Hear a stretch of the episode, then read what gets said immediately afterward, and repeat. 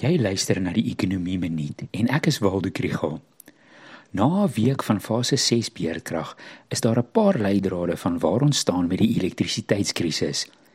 Die minister het 'n plan vir die volgende 6 maande, maar gelukkig is die private sektor self besig om in opwekking te belê. Hierdie episode word ondersteun deur die Buro vir Ekonomiese Onderzoek in Stellenbosch en die NWI Sakeskool.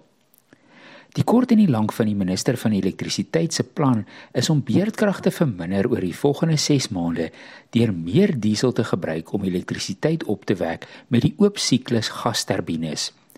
Om die prestasie van die 5 steenkoolkragstasies wat die swakste vaar te verbeter en om 'n veldtog van stapel te stuur om die publiek te kry om minder elektrisiteit te gebruik. Die plan met die dieselopwekking is die maklikste en die duurste.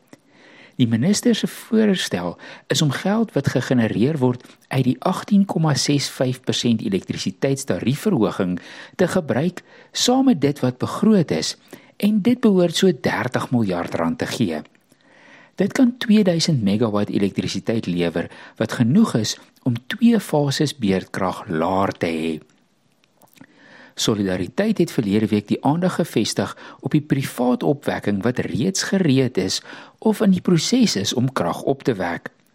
In 2020 is 1600 megawatt se privaat projekte by Nersa geregistreer. Maar net in Januarie en Februarie hierdie jaar is al 2300 megawatt geregistreer.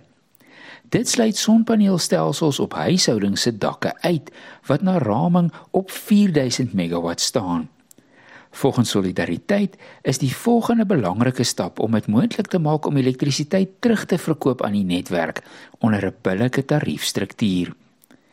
Voormalige Eskom hoof Andre de Ruyter gaan later hierdie week voor die parlementêre komitee getuig oor sy aantuigings dat die ANC se bande met korrupsie en wanbestuur by Eskom so sterk is.